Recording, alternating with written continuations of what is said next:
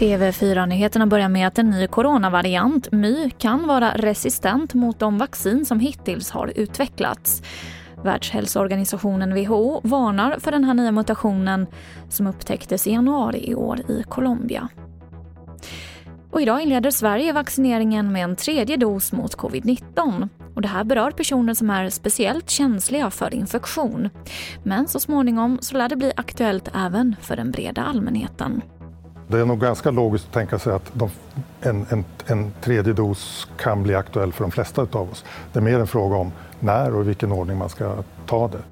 Det sa Sören Andersson som är enhetschef på Folkhälsomyndighetens vaccinationsprogram. Och vi avslutar med att idag så är det ju första dagen på september. Och det här betyder också att vi kan börja summera sommarvädret. Och SMHI sammanfattar den som varm. Hela Sverige fick högre temperaturer jämfört med normalvärdet de senaste 20 åren. Bland annat så hade vi den varmaste junitemperaturen på 70 år, nämligen 34,6 grader i Målilla.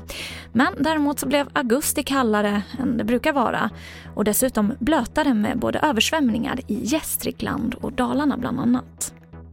Och det här var det senaste från TV4 Nyheterna. Jag heter Emily Olsson.